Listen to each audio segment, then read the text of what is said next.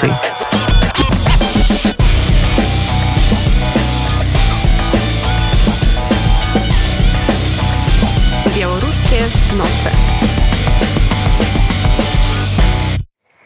Ольга сямашкаля мікрафона Шман дамброўскі за гукарэжысёрскім пультам. Добрый вечар кажам мы нашим слухачам з вільні і варшавы.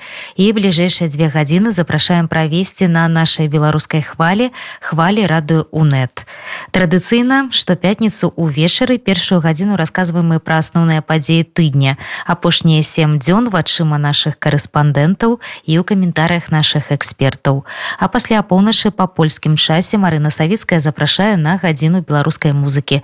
Сёння у гасцях гомельскі гурт сош ну а пачынаем наш сённяшні эфір з навіны якая нас не вельмі здзівіла але варта пра гэта папярэдзіць наших слухачоў. Сайт і сацыяльныя сеткі рады унет прызнаны экстрэміскімі адпаведнае рашэнне 4 ліпеня прыняў чыгуначны суд гомеля Што гэта значыць для вас, калі вы чытаеце нас на тэрыторыі Беларусі, то лепш рабіць гэта без падпіскі. Калі знаходзіцеся за межамі, вашай бяспецы нічога не пагражае і рабіць некс нейкія экстранныя меры не варта. Для нас гэта азначае, што мы робім сваю справу годна і рухаемся у правільным накірунку у тым ліку аб'ектыўна расказваем пра тое што адбываецца ў беларусі на гэтым ты на гэтым тыдні асноўная тэма гэта вагнарыўцы і прыгожын. Прычым рэальна яны ўжо сталі нейкімі вагнарыўцамі шродзінгера. Цэлы тыдзень паступала супярэчнівая інфармацыя пра тое ці ёсць яны на тэрыторыі беларусі ці няма іх. У чацвер яснасць у гэтае пытанне паспрабаваў унесці лукашенко. На прэс-канферэнцыі для замежных сМ ён расказваў што прыгожана ў беларусі няма што ён зараз у піцеры і увогуле што з ім будзе далей гэта вырашыць Пуін паколькі гэта унутраная справа рассіі бліжэй да вечара сённяшняга дня з'явілася інфармацыя што у прыгожана можа быць двайнік і што гэта менавіта яго бачылі ў беларусі З вагнаруцамі таксама не ўсё зразумела. Яны пакуль не прыбылі намётавы лагер, які ўзводзіцца пад асіповішамі, як высветлілася не для іх. Музыканты быццам бы гэтую базу для дыслакацыі забракавалі. Міністэрства обороны Беларусі расказала ўвогуле, што гэта летні лагер, які пабудаваны ва ўзаемадзеянні з органамі мясцовай улады і ствараўся ён для трэніроўкі як вайскоўцаў, так і прадстаўнікоў грамадзянскай адміністрацыі у рамках разгортвання сістэмы тэрытарыяльнай абароны. Паводле інфармацыі прадстаўніка мінабароны лагер здольны змясціць каля 5 тысяч чалавек, у ім таксама ёсць інфраструктура для захоўвання тэхнікі яшчэ одна справа яснасці з якой не дадалося на гэтым тыдні сітуацыя з размяшчэннем ядзернай зброі на тэрыторыі беларусі. Лукашенко паведаміў што яе пачалі дастаўляць расійскі бок пакуль гэтага не пацвердзіў. Гэтыя навіны і пастаянныя іх абвяржэнні безумоўна выклікаюць нервовую рэакцыю ў суседзяў беларусі. Так прэзідэнты літвы польшчы і латвіі накіравалі генсеку нато і кіраўнікам краін альянсу ліст заклікам прыняць меры па супрадзеянні пагрозам якія ўзнікаюць у сувязі з агрэсіўнымі дзеяннямі рассіі і зменлівай сітуацыі ў беларусі кіраўнікі трох дзяржаў звяртаюць увагу на тое што супрацоўніцтва паміж рассіяй і беларусю падрывае не толькі бяспеку рэгіёну але і бяспеку еўраатлантычнай прасторы. Тэрыторыя і рэсурсы беларусі выкарыстоўваюцца рассіяй для вядзення жорсткай і незаконнай агрэсіўнай вайны супраць украіны а гэта сведчыць усё больш пра цесную ваенную інтэграцыю дзвюх краін. Апошнія праявы гэтага размяшчэнне тактычнай ядзернай зброі на тэрыторыі беларусі што ўвастрае сітуацыю ў кантэксце вайны ва ўкраіне і ўяўляе прамую пагрозу бяспецы ўсяго грамадства прэзідэнты таксама адзначылі што перамяшчэнне расійскай групоўкі вагнер і яе лідара евгена прыгожана ў Беларусь будзе ўяўляць пагрозу палітычнай стабільнасці і нашай краіны а таксама пагражаць патэнцыяльнай стратай кантролю над звычайнымі і ядзернымі ўзбраеннямі. Лідары трох краін адзначылі што народу беларусі патрэбны выразны сігнал нато пра тое што бачанне дэмакратычнай стабільнай і квітнейшай беларусі якая не залежыць ад волі рассіі і ўнутранай барацьбе ў крамле важна для альянса. Дзені, якія мы прапануем не толькі павысіць бяспеку саюзнікаў, але і будуць адпавядаць дэмакратычным памкненнем беларускага народа. І паслядоўнасць гэтых дзеянняў павінна быць наступнай. Першае перагляд ядзернага стрымлівання і яго адаптацыя да новай рэальнасці. Другое уключэнне звычайных пагроз, якія зыходзяць ад Беларусі ў працэс ваеннай адаптацыі альянсу. Трэцяе своечасовае размяшчэнне боепрыпасаў і зброі на ўсходнім флангу альянса. Чацвёртае. Павелічэнне выдаткаў на абарону больш за два проценты ад двуп і ўвязка гэтага працэсу з прыярытэтамі натам і нарэшце пятое гэта павышэнне устойлівасці саюзнікаў да гібридных пагроз. Гаворыцца ў сумесным лісце прэзідэнтаў літвы польшчы і латвіі верагодныя заходу вагнераўцаў з тэрыторыі беларусі абмяркоўваюць у кіеве. І падобная дыскусія адбылася у под назвай сітуацыя ў беларусі ваенныя і палітычныя выклікі мэтам прыцягнуць увагу украінскага грамадства і кіруючых эліт да беларускай тэматыкі. У размове якую мадэраваў дырэктар інстытута сусветнай палітыкі Яўген магда узялі удзел намеснік камандзіра палка кастуся каліновскага вадзім кабанчук і сузаснавальнік цэнтра беларускіх камунікацый Масім плэшком удзельнікі абмяркоўвалі апошнія падзеі і навіны у якіх фігуруе афіцыйны мінск у тым ліку і прысутнасць вагнараўцаў у беларусі. Андрусь гаёвы сабраў меркаванне экспертаў на гэты конт Асноўная дыскусія разгарнулася вакол пагрозаў, што выкліканае размяшчэннем у Беларусі ядравай зброі і пераездам туды наймітаў прыватнай ваеннай кампаніі Вагнер. Вадзім Кабанчук нагадаў, што гэта не першае напаўміфічнае з'яўленне вагнараўцаў у Беларусі. Покі що няма такіх канкрэтных даных, што асабісты склад вагнера ўжо там размешчаны. Мы бачым только намётавае мястэчка і в прынпе калі там падрахавалі колькасць сколькі там туды можа праз месяца людзей ну да вот каля 8 тысяч прыблізна тут с одного боку вагнеровцы калі разглядаць их як чисто наймітов декласированных то в прынцыпе яны могуць еще сыграць якую-то роль сваю можа быть нават пазітыўную в змінах нашаму рэгіоне тому что наймітов в прынцыпе можна перекупіты тут пытанне тількі хто ім больш заплатіць калі еще згадываем двадцатый год то справа вагнера якая іх тады затрымалі в беларусі здаецца каля 33 да і лукашенко сказал что где-то еще 200 бегают по лесам типа их там ну досі ловят кгб беларуска вот ну ён тады был сполоханы не на жарт тому что толькі пасля гэтага мы, мы побачили антирасійскі разворот пропаганды лукашэнкі з двадцатого года бачно было что они прошу прошу тоже дамовілі с путиным путин дал гарантию что саша не бойся ты там будешь далее сидеть і тады пачался разворот беларускай пропаганды а першая полова двадцатого года пропаганда беларуская была больш антирасійская чем анчиза антизападная Ну і лукашенко это добра памята что в прынпе гэты такі бумеранг который можа пролететь еще ему. Евген Махта лічыць што ўсю кампанію вагнер Беларусь наўрад ці зможа прыняць. Мы як на мою думку не маємо виходити з тієї гіпотези що весь особовий склад приватної військово-кримінальної компанії Вагнер як один перейдуть з території Росії в територію на територію Білорусі. Це мені виглядає абсолютно нереалістично. Швидше ми маємо ефект сепарації. Тобто, можливо, дійсно те, те про що говорив Лукашенко, що от інструктори перейдуть, ну просто навіть. Е Кількість в тисячу інструкторів білоруська армія ну їй буде складно поглинути. Складно складно знайти стільки військовослужбовців, яких можна готувати. Тому відповідно це створює певні проблеми. Ну і плюс враховуючи те, що 80 кілометрів від табору е, до резиденції в Дроздах, то можуть бути різні варіанти. А Вадзім Плешко мяркуе, што Лукашенко дэманструе ўласную баязнь таго, што ён увязаўся ў гэтую справу з вагнерам. Трэба заўважыць і погодитися з Вадимом, який саме початку окреслив, що наявність, скажімо так, самого Пригожина і кількох його наближених людей, які розуміють і знають, як будувати військову структуру, може розвинутися до потенційної серйозної загрози. Для цього потрібно тільки політична воля і бажання рішення. Давайте не забувати те, що ми ж не знаємо, які домовленості є в Лукашенка і в Пригожина, але якщо вони є, наприклад, так, то через Лукашенка Пригожин може мати доступ до військової техніки Білорусі. Як не як, все-таки в Білорусі залишилися танки, залишилася артилерія, залишилися сили ППО, і той і при бажанні, при їхній домовленості, е, Пригожин може розвернути там угрупування за підтримки Лукашенка. Але знову таки е, правильна загроза в тому, що як е, от недавно Лукашенко на одному із своїх великих таких зібрань заспокоював публіку, що от ви всі це чули, мабуть, що там типу зеки, але вже не переживайте, вони вже всі загинули. Так що тепер, якщо і приїдуть вагнеровці, то хороші вагнеровці приїдуть.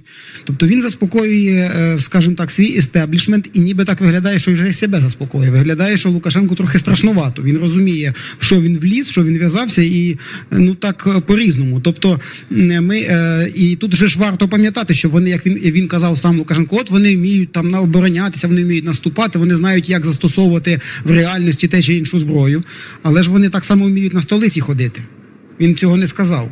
От, але так за дужками залишив. Тому, очевидно, він цього боїться, і е, як воно буде, будемо відслідковувати. Максим Плешко паспрабаваў таксама адказаць на пытанне пра тое, чаму у сваім нядаўнім пасце ў фейсбуку сакратар рады нацыянальнай бяспекі абароны ўкраіны Алексей Данілаў назваў лукашэнку магчымым удзельнікам мірных перамоваў. Выступ прыгожана це ми бачили видиму частину айсберга. Ми розуміємо, що за Пригожиним стоїть якась група російської еліти і силовиків, можливо, яка не задоволена ситуацією і думає, як вийти з цієї війни, як е, усунути того самого Путіна і так далі. І так далі. І Лукашенко в цій ситуації означився тоді в перші дні. Він взяв такі лаври такого там перемовника, так далі. І так далі. І е, сигнал Данілова треба читати наступним чином. Це сигнал, можливо, є така версія, підкреслює така версія до, до тої частини російської еліти, що дивіться, якщо ви захочете поговорити, то можна ось через Лукашенка. Але це не означає, що Лукашенка хтось визнає. Лукашенка Україна не визнає як президента, вона визнає його, вона його сприймає як воєнного злочинця, який має сидіти на лаві підсудних разом з Путіним. От. Але в процесі е, якогось діалогу да, через нього теоретично можна якось посилати сигнали. Тобто, цілком ще раз підкреслюємо, ймовірно, це був сигнал від секретаря РНБО тим людям, які стояли за Пригожним. Підкреслюю, можливо. На фоне магчымага прыбыцця вагнераўцаў у Беларусь прэзідэнт літвы гітанас наўседа зноў узняў пытанне аб абмежаваннях для беларусаў. Ён прапануе накласці на беларусаў такія ж санкцыі, як і на расіян. Мінулыя спробы наўседы па гэтым пытанні заблакаваў літоўскі парламент. Зараз аргументацыя прэзідэнта літвы такая. Вядома, я нічога не маю супраць беларусаў як народа, але грамадзянства Беларусі можна атрымаць проста атрымаўшы беларускі пашпарт. І мы таксама бачылі выпадкі, калі добра вядомыя людзі, маюць напрыклад не толькі пашпарт расійскай федэрацыі але і пашпарт беларусі. І такім чынам людзі з беларускімі пашпартамі незразумелага паходжання могуць падаць заявку на уезд у літву з незразумелымі намерамі дадаў літоўскі прэзідэнт. Спікер літоўскага сейма Вікторыя шмеліта нельсон завочна адказала на ўседзе праз эфир лрт. Яна не бачыць неабходнасці уніфікаваць санкцыі супраць расіян і беларусаў і адзначыла што яе не пераконваюць довод довады прэзідэнта краіны пра тое што гэта неабходна з-за пагроз якія ўзнікаюць у сувязі з магчымым базаваннем групоўкі вагнера ў беларусі. Паводле слоў шмеліта нельсон трэба пракансультавацца з дзяржаўнай пагранічнай службай і іншымі установамі якія адказваюць за бяспеку і высветліць іх меркаванне. Ці сапраўды такая пагроза існуе? А наколькі сур'ёзныя пагрозы для літвы з'яўляюцца вагнераўцам і як беларусам рэагаваць на палеміку паміж прэзідэнтам і парламентам літвы. Про гэта мы спыталі у асацыіраванага аналітыка школы усходняга партнёрства у літве антона ахрэмова. На эту тему у нас пока высказывались по-моему только министр обороны министр иностранных дел. А через пару дней после мятежа министр иностранных дел заявил что в принципе они оба заявили что если И эта информация правда, потому что пока, пока что, по крайней мере, на тот момент она еще не подтверждалась, что именно вагнеровцы действительно перенаправляются в Беларусь, что этот лагерь под Осиповичами строится для них. Но, в принципе, если она подтвердится, это будет, конечно, новым вызовом для Литвы именно в контексте, в том числе и российского присутствия в Беларуси на уровне каких-нибудь провокаций приграничных или чего-то подобного. То есть, опять же, это является, ну, по сути, это является частной военной компанией официально. Они не являются представителями российской армии. В принципе, российское руководство их до, до начала вторжения в Украину так и использовало как а, боевую силу, которую можно использовать, официально не имея при этом нашивки российского флага. на, у себя на, на рукаве. То есть вполне возможно, что может они могут быть использованы таким образом. На фоне событий в Литве не до конца выработана политика в отношении Беларуси в этом аспекте. И, ну, в принципе, мы это сейчас и видим, потому что после протестов 2020 года и, в принципе, до сих пор именно, потому, если вы, например, следите за заявлениями МИДа, МИД тоже в целом все еще ну, очень положительно смотрит на, на, на белорусское общество, на гражданскую общественность. Но просто ну, на фоне войны, на фоне, опять же, того, что происходит в самой Беларуси, поскольку ну, растут такие общие риски.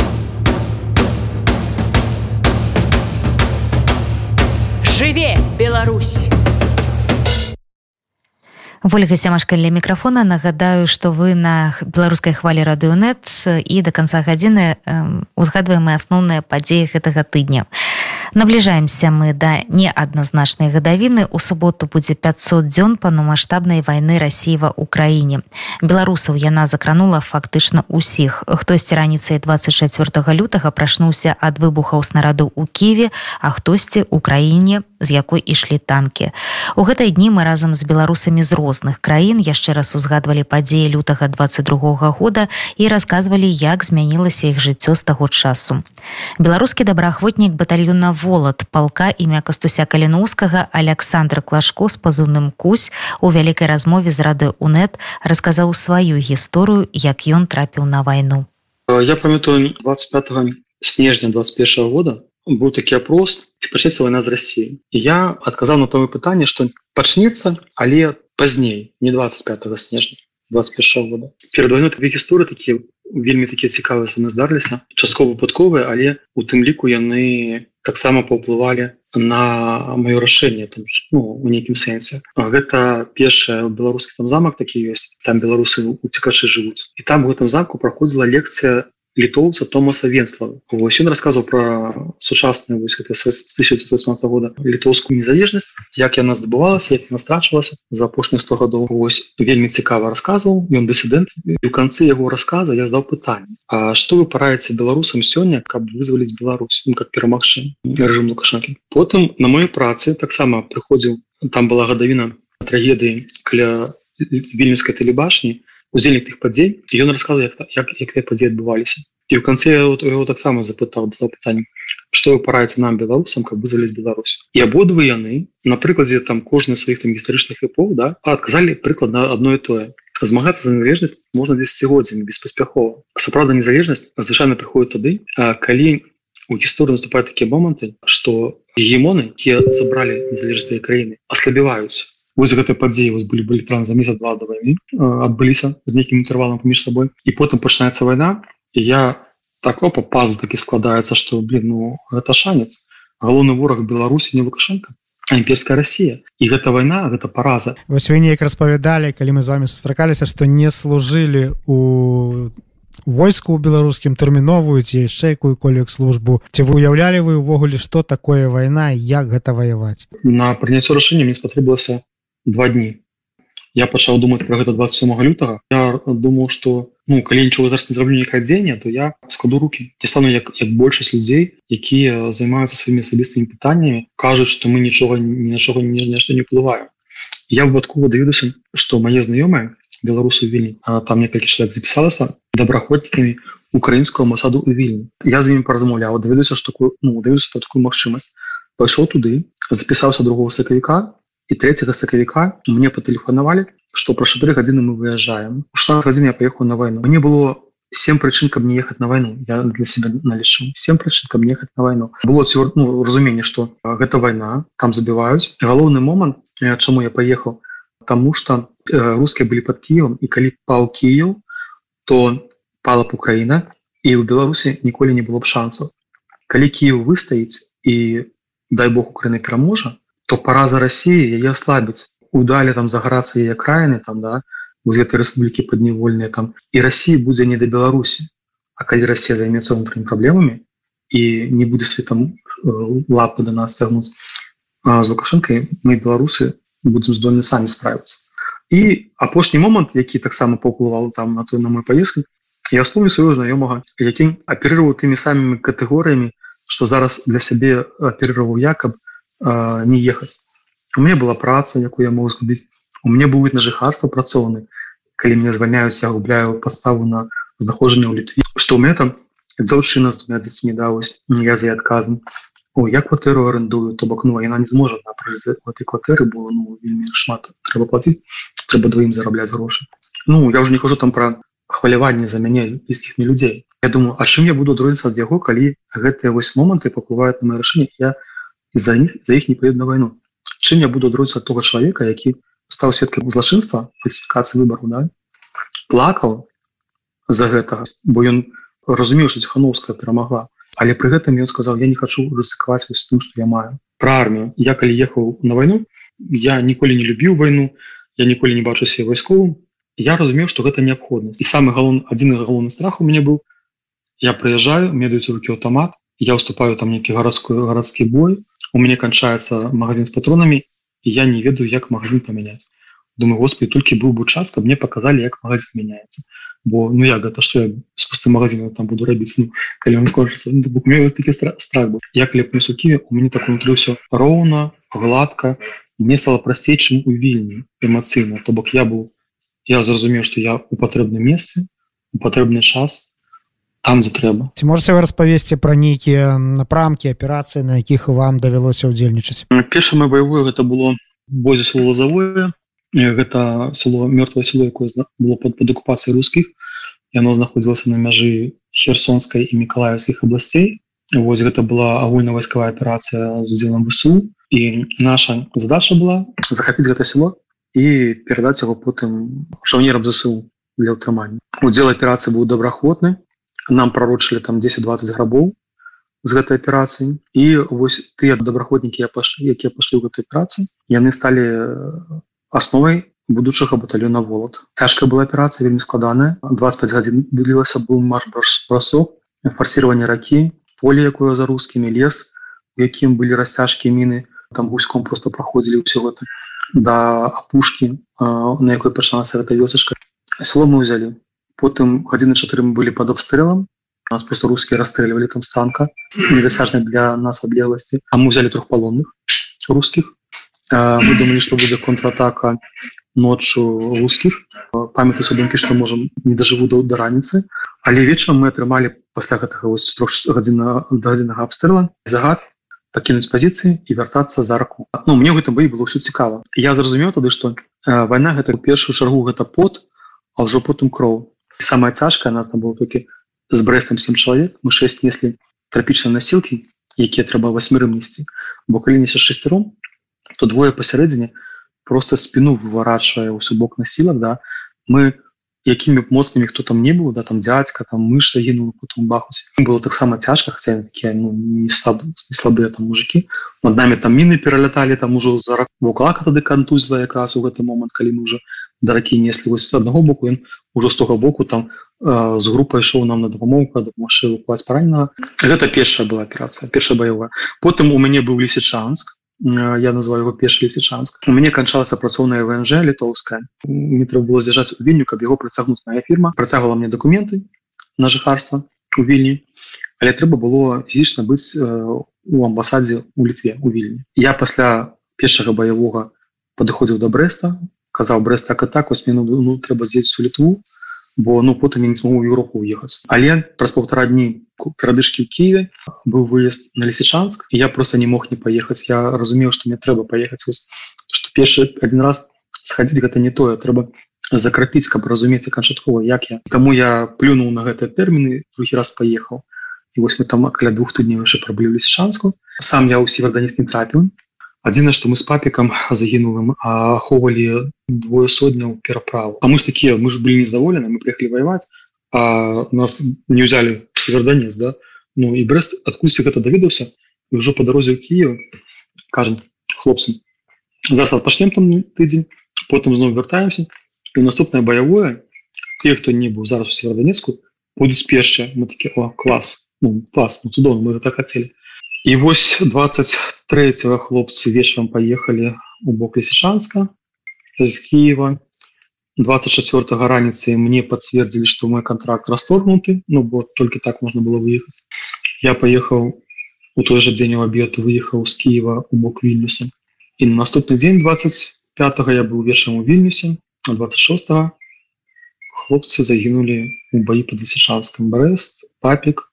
з майго аддзялення клешча з майго аддзялення трапіў палон лёс его невядома сябро загінуў атам загінуў і тромля трапіў палон я разумею что калі б я не вярнуўся ў літу документы рабіць я бы пайшоў бы ну с папікам с клішом это былі людзі з якімі я пачынаў сябраваць Вайна закранула шмат каго з беларусаў, якія, ратуючыся ад палітычнага пераследу з боку лукашэнкаўскай улады, знайшлі ва ўкраіне прыстанішча. Аднак уварванне расійскіх войскаў вымусіла многіх з іх зноў шукаць прытулку. Так адбылося і з сям'ёй журналісткі Белсата і грамадскай дзяячкі Марыі Грыц, якая зараз жыве ў Беластоку.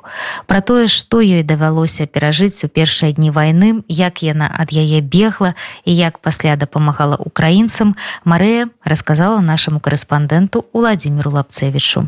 Моя гісторыя ў краіне яна была звязаная з тым, што калі мне трэба было бегчы, бо мне ўжо пагражалі і турмой і тым, што забяруць дзіцё прытулак у Беларусі. І я, я наіўна думала, што это ненадоўга. Хаця ўжо это быў 21 год і людзі ну, надоўга ўязджалі. Но мне падавалася, што не. І Украіна была простым выбарам, каб калі што хутчэй вярнуцца можна было бюрократычных прыпонаў было менш. Летам мы пераехалі, а зімой адбылася вот это вот уторганне. Мы жылі не ў самім кіеве а ў прыгарадзе і акурат прыгарад это які на бок ось дарогі на Беларусь. Это бравары адзінае что там было вайсковая частка яна была акурат перед маімі вокнамі не шчыльна але ну там менш кіламетра дакладна я памятаю что мы акурат напярэдадні адкрылі мову на нову у кіеве нават размаўлялі что вось мы собираемся не столькі для того каб мову вывучаць каб это была нейкая такая тэрапеўтычная гісторыя что хотя бы вось на пару гадзін не думаць про вайну потому что натуральна все гаварылі пра яе і пры тым шмат хто не верыў што это магчыма і вось мы открываем мову на нову дамаўляемся што на наступную мову на нову мы будзем масленіцу браць тэму што нам бліноў напекуць і тут раптам я прычынаюся ад такога моцнага гука. Я подумала что это ранняя навальніца і ведаеце было так спакойна наадварот стала што вось чтобы людзі як бы людзі не шалелі а прырода яна все адно вось яе кола зварот часу ён ідзе і раптам калі другі раз быў вот это выбух я уже зразумею что это не навальніца я падыходжу до окна это было яшчэ цёмна і бачу як палае эта вайсковая частка. Стала ведаеце настолькі страшна ажно не страшно. То бок я зразумела что это адбываецца і і все. І і далей просто як нібыта на аўтапілосе на аўтамаце все адбывалася я пачала тэлефанаваць калегам што адбываецца мы селі вось на стужку працаваць і я памятаю што вось ну это было четверт гадзіна раніцы і нельзя а 12 уже редактор мне сказаў ідзі пахадзі я вырашыла пайти глядзець ці едуць танкі Таму што вось акурат як бы тада была інфармацыя што вось беларускага боку таксама адбываецца наступ. Я думаю што ну вот напэўна я якраз беларускага боку кіевай жыву думаю ну вот это будзе канешне гісторыя пайду фоткай танкі ну а што рабіць як ты будзеш сядзець у такой сітуацыі просто? Аказалася што тады высадзіўся дзесант з іншага боку кіева ў сварпіне які моцна пацярпеў і калі ўжо трэці раз прыляцеў не ведаю што снаряд бомба. І, ну, карацей калі трэці раз была атака на эту вайсковую частку настолькі моцна грымнула я была на вуліцы яшчэ пайшла за ежай для дзіцёнка заадно мне стало уже настолькі страшна што я просто ногі сталі ватны я пайшла назад мае восьось муж з дзіцём уже спусціўся. Это не только бомбасховішча это просто цокальны паверх. І украінцы яны такія спецыфічныя людзі. Цокальны паверх это яны ну як бы пакуль все это не, не было этой войны яны абарудавалі под краму піва. І вельмі на расслабленых таких настроениях сидели там у этом цокольным паверсе прыйшоў гаспадар раздаў піва каб ніхто не хваляваўся але натуральна як бы вялікі дом маленькі ты паверх было ну, і страшна незразумела якія настрою будуць далей у дачыненні што мы з беларусі а з беларусі таксама ідуць нейкія войскі хаця нам ніхто нічога не казаў хаця весь дом ведаў што мы з беларусі яны нам прыносілі нават штосьці кшталту гуманітарнай дапамогі нейкія рэчы цацкі прыносілі ма дзіця але я баяўся што ну раптам што каб ну не было нічога ніякага мы сабраліся дзе где-то ўжо под вечар мы выехалі з Киева і тры дні мы ехалі да мяжы Таму што ўсе дарогі былі адзін вялікі корак адзін вялікі затор. У мяне на дзіва нягледзячы на тое што мы абмяркоўвалі які ў нас планы калі раптам што у нас быў план а план б і гэтак далей калі адбылося все рассыпалось не было нічога не зразумела я зразумела что для таких падзей да таких падзей просто немагчыма падрыхтавацца. І это было просто вот, ну, вот шчыра это нейкая нібыта в маёй галаве просто маімі руками. Нехта рухаў маімі ногами таксама нічога было незразумела что рабіць як что. У мяне у меня была такая э, вельмі смелая ідэя что я э, мужа і дзіцяці э, саберу каб яны уехали а я уже менавіта журналістка но ну, я хотела пайсці у метро. Кады всех пашлі хаваць думаю о я поліцера муж атрымаю конечно той час поліцера быў тое что трэба і вось мы уже напіхалі рэчаў колькі маглі ў машину. І дзіцё она, она зразумела что я не сажуся ў машину.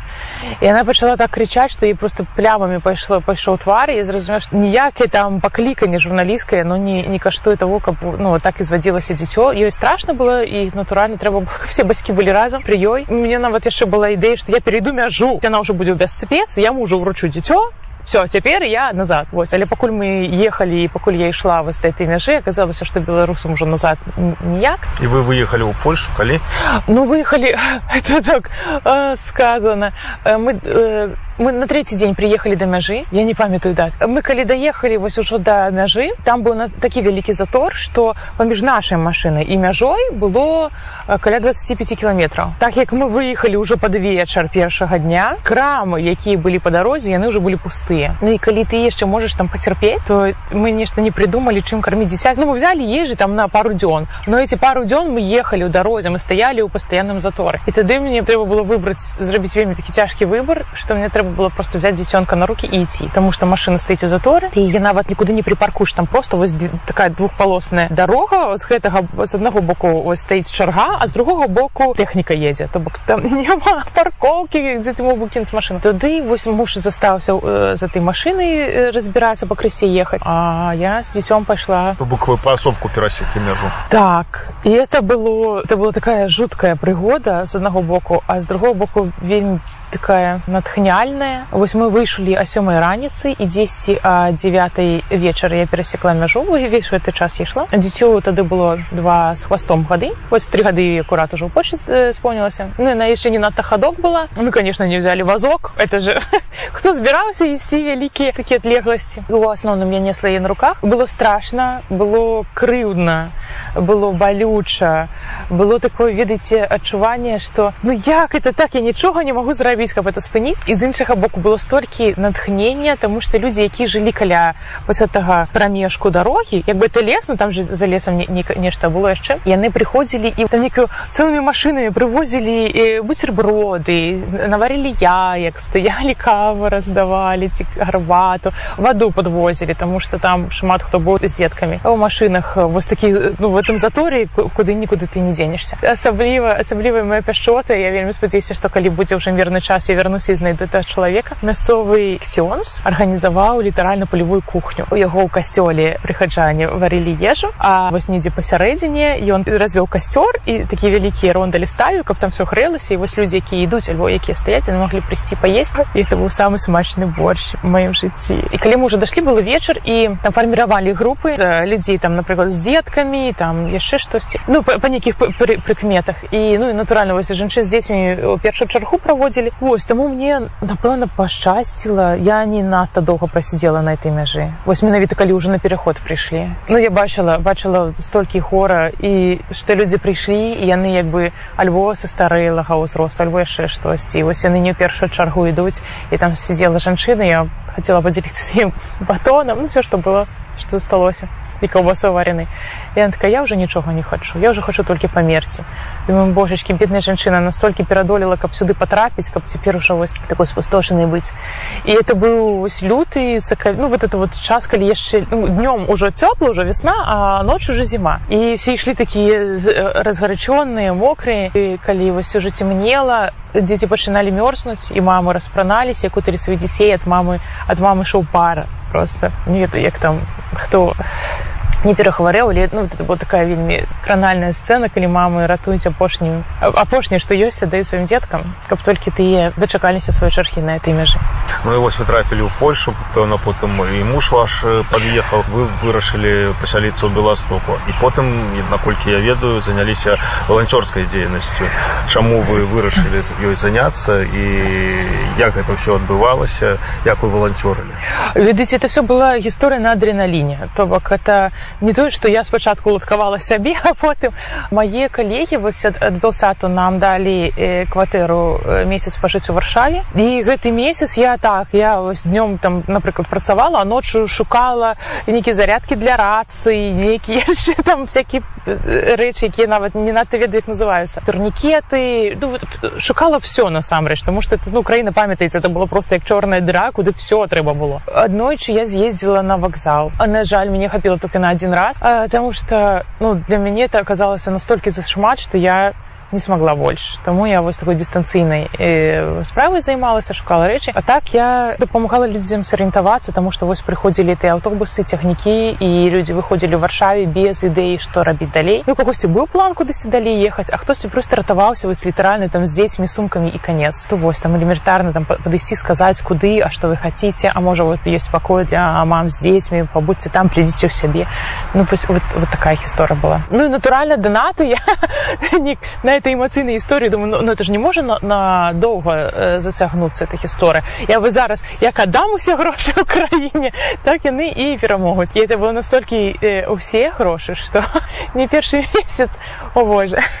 Першы месяц мне не было за што купіш лавру ось у новой хаце калі мы сюды уже пераехалі потым зразумела што это доўгая гісторыя што трэба это неяк як на марафон трэба разлічваць і свае магчымасці і патрэбы сваёй сям'і таму это потым ужо ўвайшло у такое валанторства як у нас двадцатого года з валізняволенымі просто мне цяпер у графе выдаткаў пасля беларускіх валізняволеных яшчэ там дапамога украінцам бок вы фінансава падтрымліваеце украінцаў у гэтым заключаецца валанцёрская дзейнасць так? цяпер так у першыя часы было зразумела што у іх не наладжаная вот это вот як наша такая сетка людзей і ну як у беларусаў і беларусак ужо быў у цэлы год пабудовы нізавай дапамогі вось то там трэба было конечно включиться і дапамагаць просто знаходзіць людзей для людзей з нейкімі магчымасцямі а цяпер я бачу што ну яны вельмі хутка так арганізаваліся і у іх валанторская сістэма супер класна працуе цяпер таму ну, як бы туды лезці мне уже сваім досведам уже і няма куды яны вельмі класна падраслі за гэты час. На жаль і і малайцы з іншага боку. Мне нават і сістэма каб не душыцца пачуццём віны што вось ну там я сабе штосьці набываю напрыклад ці кудысьці паехала а калі вайна я придумала святкую штуку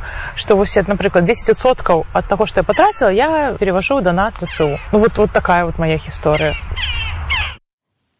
журналістка Марыя Грыц рассказывала нам сваю гісторыю эвакуацыі з Киева нагадаю што заўтра гадавіна 500 500 дзён як пачалася поўнамасштабная вайна ва ўкраіне і да гэтай нагоды мы збіралі гісторыі беларусаў і беларусак.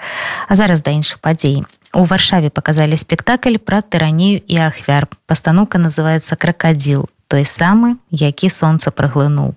У спектаклі грае бліскучая акцёрская трэ ольга каралёнак яся алексеенко і надзеяшай бак яны не толькі выканаўцы але і аўтаркі п'есы. Атрымалася мастацкае разважанне на тэму ката ахвяры і мяжы калі чалавек сам ператвараецца ў тыранам прэм'ера спектакля адбылася 30 чэрвеня у вольскім цэнтры культуры ў варшаве. На ёй пабывала Аліна крамко. Хочешь Я расскажу тебе сказку. Это казка про старого крокодила и молодое солнце. Знаёмы кожнаму з дзяцінства сюжэт, але толькі зараз ужо з перспектывы дарослага чалавека разумееш, маштаб трагедыі ў казцы амаль міфалагічны. Кракадзіл як сімвал смерці і цемры. А каб вярнуць святло нашым героям трэба прайсці праз мноства выпрабаванняў, бо сонца няма ў краіне, дзе не перамагае дабро, а ў турме чакаюць вызвалення больш за 9 мільёнаў чалавек. Размаўляем з актрысай ольгай каралёнак. У нас ёсць такая умоўная гераіня яна нават у нашым тэксце пазначана як умоўна вызваленая.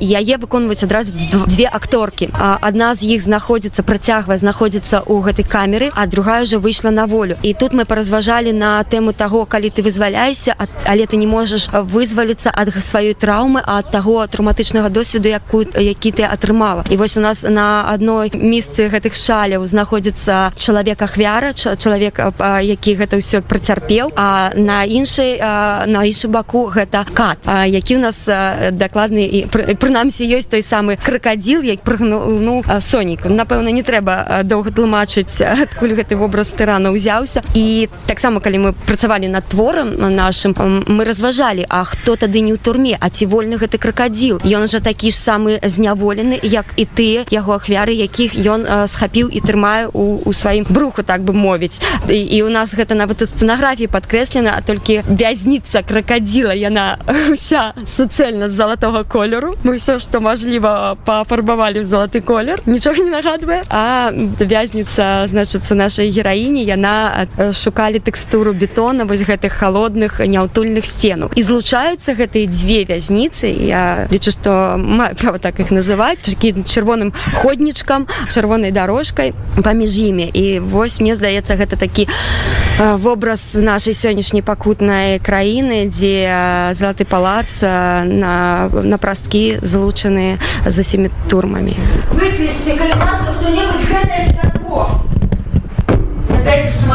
человека самостойно выключать выключать святло есть необходным чинником ягоной свободы можешь включить а можешь погасить. Можешь включить а можешь гасить гэта і ёсць свабода пра вашу ролю як яна вам давалася пра што думалі калі стваралі вобраз? Думала про тое пра што заўсёды думаю і ну шмат беларусаў мне здаецца працягваюць думаюць і жывуць гэтымі тымі нашымі які сядзяць сядзелі і працягваюць сядзець. Натхнялася матэрыяламі натхнялася далёка не трэба хадзіць сярод нас ёсць чалавек які з'яўляецца палітвязням і які адбыў свой тэрмін цалкам і выйшаў на волю. Ну напэўна кожнага беларуса ёсць такі знаёмы і мы ўсе ведаеце калі мы нават пісалі анатацыю да спектакля і так і написала что сядзяць у вязніцы 9 з паловы мільёнаў мы усе так ці іначай нават ты якія не былі ў турме. Я сама вельмі часто чую ад людзей я б не змагла я б змагла А як вы вытрымалі? То бок нават тыя хто не сядзеў мы прымяраем гэтую ролю на сябе. Мы так ці наш усе трымаваны гэтай сітуацыі. Таму мы папросту думаем про яе а ў гэтым спектаклі мы паспрабавалі на гэту тэму разважаць. І жанр спектакля у нас так і абазначаны. Метафора на тэму асновай тэксту сталі дакументальныя матэрыялы гэта ліст да ольгі класкоўскай і кавалак яе інтэрв'ю частка прамовы паліны шарэнды панасюк у суддзе і яшчэ некаторыя кавалкі з расповедаў палітвязняў. Акцёрская трыя пазбягала прамога цытавання і перапісвала перакладала гэтыя тэксты. Ольга каралёнак падкрэслівае спектакль не дакументальны гэта мастацкае прачытанне. Мы шукалі па адкрытых крыніцах ёсць і сайт палітвязанка і лісты палітвязняў на фейсбуку. Шмат дарэчы інфармацыі сабраны ёсць вельмі добры youtube канал дзе бяру бяруць інтэрв'ю у тых хто ўжо выйшаў. На волю гэта вельмі цікава гэтага вельмі шмат. Дзякую беларусам за тое што гэта інфармацыя збіраецца. Это мы папросту яе глядзелі назапашвалі усведамлялі перасэнсоўвалі. Крычы крычы крычы За сваімі ахвярамі назірае ён. Кат тыран садыст. Кракадзіл якога бліскуча іграе Яна алексеенко размаўляецца татамі створа італа кальвіна кароль які слухаў У фінале спектакля Яна здыме сябе залатую маску кракадзіла і прызнаецца ў ёй. Яна практычна нічога не бачыла толькі кавалак падлогі.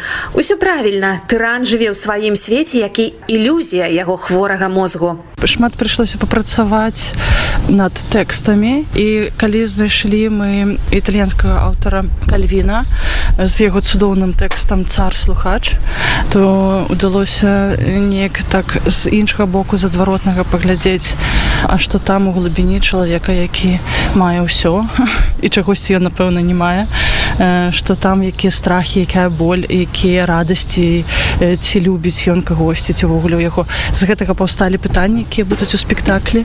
І гэта вельмі дапамагло менавіта вось гэтыя тэксты. Адчалавечыць можна нават так сказаць гэты вобраз зрабіць яго такім праўдзівым хіба што так.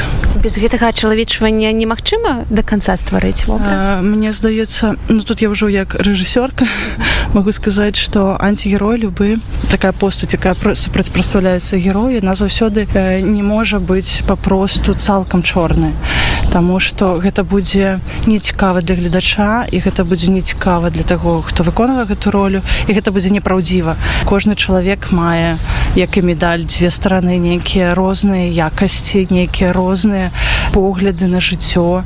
І таму чалавечанне зрабіла гэту ролю больш глыбокай мне падаецца больш такой аб'ёмністай дарэчы хутчэй за ўсё будзе яшчэ адзін паказ спектакля кракадзіл напрыканцы ліпеня размовы з вольскім цэнтрам культуры якраз пра гэта вядуцца А мы працягваем размову пра варшаўскія падзеі на беразе віслы пройдзе бясплат бясплатны гучна фэст з актуальнай беларускай музыкай знакамітымі імёнамі літаратуры сучасным мастацтвам і актывізмам хедлайнер музычнай сцэны супербэс літаратурнай альгерт бахарэвіш фестываль пройдзе 9 ліпеня каля варшаўскага музея сучаснага мастацтва падрабязна праграму роман жданович абмеркаваў з дырэктаркай фры беларусь цэнтра палінай бродзік.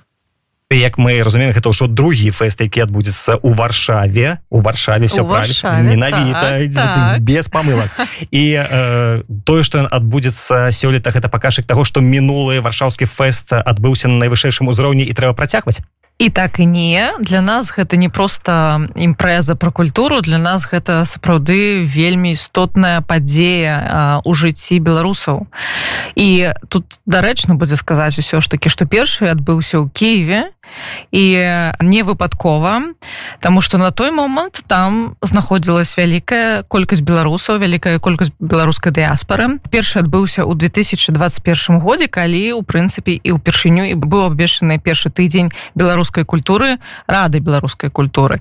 І вось у межах гэтага тыдня мы тады э, і подумалі что было б недрэнна зладзіць нешта ва ўкраіне тому что на той момант больш ніхто прынцыпе гэтага і не спрабаваў рабіць менавіта вось на таким даволі вялікім культурніцкім узроўні і уже тады у нас была літаратурная сцэна і музычная сцэна і фотаздымкі былі прыходзіла шмат разнастайных вядомых выбітных беларускіх дзеячоў мы тады спалучалі канешне яшчэ з украінскай літаратурнай сцэнай тому что шмат што на скрыжаванні знаходіцца шмат рабілася тады перакладаў як у адзін бок так і ў іншым ну а ўжо у 22 годзе і зараз у 20 23 так э, фестываль пераехаў па зразумелых прычынах у варшаву. Ну і тут канешне яшчэ больш размах тому что тут яшчэ больш людзей тут яшчэ больш пляцоўкі і калі на першым фестывалю у нас было каля 700 чалавек у мінулым годзе ў варшаве на вісле ўжо было каля тысячи за ўвесь дзень і ў гэтым годзе мы спадзяемся на яшчэ больш значныя лічбы на некалькі тысяч дарэчы э, калі э, ва ўкраіне праходзілі фэст раней таксама былі музычныя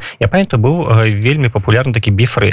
Ён праводзіўся і у Львове і у чарнігаве. Гэта такі пэўны працяг э, таких фэстаў ці не ці гэта все ідзе асобна Не гэта цалкам асобна тому что ўсё ж таки мы грамадзянская арганізацыя мы не займаемся прасоўваннем культуры як такой.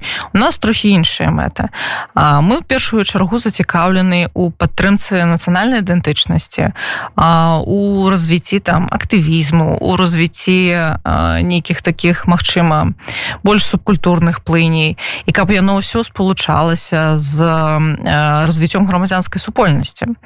ну Ну і ў прынцыпе мы не абапіраемся на досвед іншых фестывалей тому что тому что для нас галоўнае тут не толькі музыка літаратура і арт а і таксама пэўныя каштоўнасці якія мы спрабуем трансляваць про ўсю нашу дзейнасць.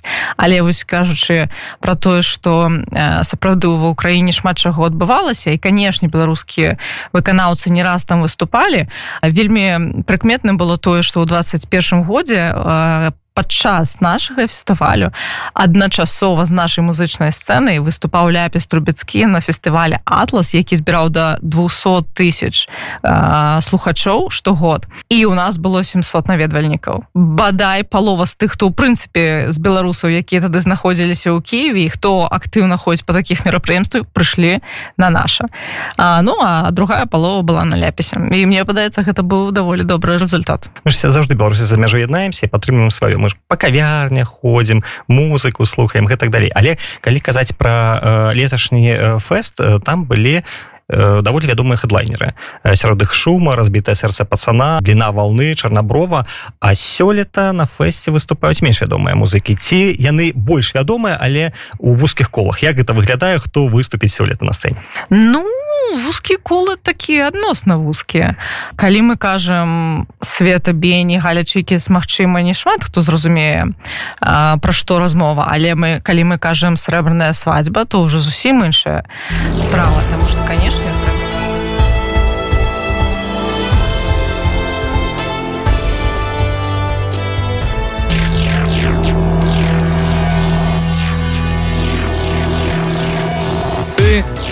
пропісаўся на яго вуліцы у самым савецкім раёне з антысавецкім тварам антысавецкім імём антысавецкім нутром Прапісаўся на яго вуліцах прапісаўся на скверы прапісаўся на цэнтры дзе не ўсе суседзі вартыя даверу і не ўсе маркі патрабуюць капертаў прапісаўся на індастрыялу і марсе взяў спраўку прасторы і часе паставіў пячатку донышкам пячатку марляй струною звязаў довады і на жылах паставіў акорды гомі любоў з першага глытка і шчырасць у кожным напасе што шагалы ведаюць пра палёты над горадам? Што шагалы ведаюць пра палёты без рамянёў бяспекі булка ты не ў курсе? Што шагалы ведаюць пра палёты над горадам без рамянёў бяспекі ён прапісаўся ў тваім сэрцы у тваіх лёгкіх у тваіх нырках у тваёй пешані апошнім тралейбусам перакрэслю пытанні вечныя. Тут гэта хутка. Хуяк хуяк вось табе ісціна. Хуяк хуяк. А мы нагадаю зараз вяртаемся да інтэрв'ю з дырэктаркай фрэй Беларусь цэнтра палінай бродзік яна у нас перад тым як у нас не здарылася маленькая тэхнічная праблема расказвала пра фестывалі гучна фэст які 9 ліпеня пройдзе на беразе віслы каля варшаўскага музея сучаснага мастацтва. Я зараз прапаную паслухаць рэшту гэтага інтэрв'ю. З такой прымесю магчыма таких сінтоў з 90-х нешта такое трохі модная рэтра карацей. Музычна, трэба слухаць. я, я чытаў што музычныя крытыкі называюць гэта нават новым нейкім музычным напрамкам посттраўматычны поп вось так это агучылі. Поп. Ну я б напэўна ну, поп не ведаю не ведаю. Ну красей сапраўды тэксты там просто неверагодныя. Яно кладзецца на беларускую душу просто ось ідэальны матч Таму что яны вельмі добра схапілі гэты нерв які з'явіўся пасля двадцатого году і які просто по прабівае я, я назірала з людзьмі якія ходзяць на канцэрты усе адтуль выходзяць у слязах у добрым сэнсе настолькі ўсім падабаецца і настолькі я новасць пралазіць прямо у самае сэрцайку акрамя серебряной свадьбы акрамя вень хто будзе яшчэ выступаць? Так другі хедлайнер супербес як вы уже узгадалі Мачыма шмат хто мог бы сказаць зараз беларусу что не вельмі вядомы гурт але яны вельмі вядомы ў Еўропе. Яны шмат зараз вандруюць яны выступаюць на галоўных фестывалях музычных у Еўропе. Яны самі жывуць у Берліне. А, у іх іншаземны прадюсер і насамрэч яны даволі паспяховая група. На даволі паспяховы гурт. Я ўпершыню пра іх даведалася прыкладна ў 2017 у чырвоным дворку. У менску выпадкова цалкам выпадкова трапіла на канцэрт дзе зайгралі яны. І моя першая думка была Вау гэта же беларускі Джой Division восьось ён керце стаіць перада мной. Гэта было так драйвова так круто я просто ўсім сваім сябрам в Украіне потым раскідывала і казала глядзіце гэта беларусы вы нават не здагадаліся а потым так яны зніклі зніклі напэўна час. Але пры гэтым не не спыніліся ў сваім музычным твор у сваёй музычнай творчасці і працягвалі выпускаць альбомы. Толькі ўжо больш вандравалі па-за межамі. І вось зараз такі камбэк у беларускую аўдыторыю. Яны ўжо выступілі ў Грузіі і прыязджаюць у варшаву. Гэта будзе першы канцэрт у ваша у варшаве за доўгі час. А, ну я думаю что ён будзе прям прям вельмі круты. Прычым насамрэч насамрэч ты хто цікавіцца такой музыкай яны канешне добра ведаюць. Калі мы размаўлялі з палякамі партнерамі з тымі хто дапамагае нам з лакальнай арганізацыяй. І калі яны пачулі супербез яны просто былі неверагодна задаволены тым што яны хосцяць такое мерапрыемства. З таго што ведаю ёсць і украінскія ребята якія далучаюцца да гэтай імпрэзы. Што за яны як атрымалася за дамовіцца ці былі нейкія праблемы? Так это гурт ізі ён даволі часто выступаю в варшаве на разнастайных фестывалях у тым ліку разам з беларусамі. Таму насамрэч з імі не было праблем дамаўляцца. Яны наадварот вельмі пазітыўна адрэагавалі і у прынцыпе адразу пагадзіліся вельмі рады што змогуць далучыцца. І для нас гэта таксама вельмі зразумелы кампаненты лагічна таму што ў прынцыпе фрыбеларус цэнтр першапачаткова быў заснаваны ва ўкраіне для дапамогі беларусам. І у нас заўсёды былі вельмі моцныя сувязі з украінскімі калегамі ў разнастайных галінах нашай працы. А, ну і мы у канешне у сённяшняй сітуацыі войны стараемся як мага больш падтрымліваць украіну. Фрыбеларус цэнтра на самом пачатку займаўся гуманітарнай дапамогай. Для тых хто быў вымушаны бегчы з ківа у першую чаргу але з іншых гарадоў мы рабілі эвакацыйныя аўтобусы першапачаткова для беларусаў але потым зразумелі што у прынцыпе мала хто мог тады выехаць з ківа тому что там былі заблакаваны ўсе іншыя шляхі на нацяг них цяжка было трапіць і гэтак далей. І пачало таксама шмат украінцаў далучацца. І ну так гістарычна склалася што частка нашай аўдыторыі таксама з Украіны. І мы супрацоўнічаем з беларусамі якія зараз застаюцца ва ўкраіне. Частка нашай каманды там таксама наш офіс там застаўся. Карацей у нас настолькі плотныя сувязі шчыльныя что ну мы просто не можемм сабе ўявіць як мы не будзем падтрымліваць і працягваць супрацаваць супрацоўнічаць з украінай украінцамі нашими сябрамі і калегамі. І акрамя таго что будзе выступаць украінскі гурт таксама мы у гэтым годзе хочам зрабіць зрабіць невялічкі такі благадзейны накірунак. Вось дарэчы яшчэ адзін гурт сош у якім спявае адначасова і музыка і паэт алесь плотка. Ён таксама на фестывалі будзе прэзентаваць сваю новую кнігу якая называется бладленс Украіна Беларусь 2020-2022 і ўсе грошы якія будуць сабраныя з продажу гэтай кнігі будуць накіраваны ва ўкраіну на рэабілітацыйны цэнтр які быў створаны беларускай под Киевам для ветеранаў быўшых э, вайсковых. Як беларускіх так і украінскіх і ўсіх астатніх. Там няма ніякага дзялення па нацыянальнасці. Але мы лічым што гэта сапраўды вельмі важная справа. І Тацяна яна а, вельмі актыўна падтрымлівае на сённяшні дзень беларусаў. Это вядомая беларуская праваабаронца якая была вымушана таксама яна і адсидела пэўны час і у яе была свая такая гісторыя раздзялення сям'і калі ему уже украінца выдварылі з беларусі у момант вось тады ў 20 20 21 годзе калі махавік рэпрэсій все больш і больш раскручваўся. Да і вось на сённяшні дзень яны знаходзяцца ва ўкраіне дапамагаюць украінцам робяць рэабілітацыйны цэнтр развозяць там спецыяльныя вак-апараты для вайсковых госпіталей гэтак далей. І канешне мы не маглі не далучыцца да, да такой цудоўнай справы і не падтрымаць яе таму па-першае грошы якія будуць сабраныя з продажу кнігі будуць туды накіраваны. Потым а, частка з продажы з арт-маркету адсотак таксама будзе ісці туды. Ну і канешне для нас насамрэч вялікі гонар тое што украінскі гурт пагадзіўся далучыцца і заспяваць разам з намі на адной сцэне Я думаю там будуць як і даволі вядомыя украінскія песні так і канкрэтна ну, вось выканаўцаў творы. І я усіх запрашаю прыходзіць паслухаць іх таксама падтрымаць.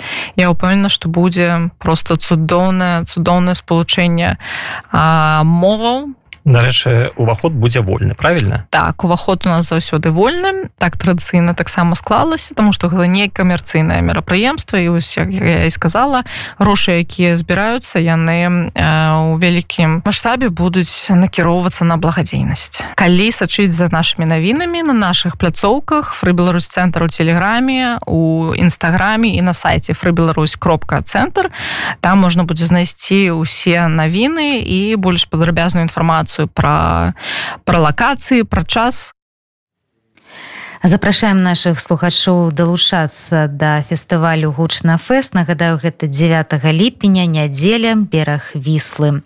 Радыонет таксама там будзе. Ну і пасля рэпартаж можна будзе паслухаць на нашай хвалі а фото з фэстам пабачыць на нашым сайце. Гэта 3w кропка радонет кропка фм а таксама у наших сацыяльных сетках. Пра асноўныя вынікі тыдня сёння рассказывала ольга сямашка. Праз некалькі хвілін я саступлю месца ля мікрафона марыні савіцкай. Яе госць сёння якраз гурт сош пра які толькі што на нашай хвалі рассказывала паліна процік але я яшчэ не развітваюся сустрэнемся мы у навінах. Жыве беларусь уначы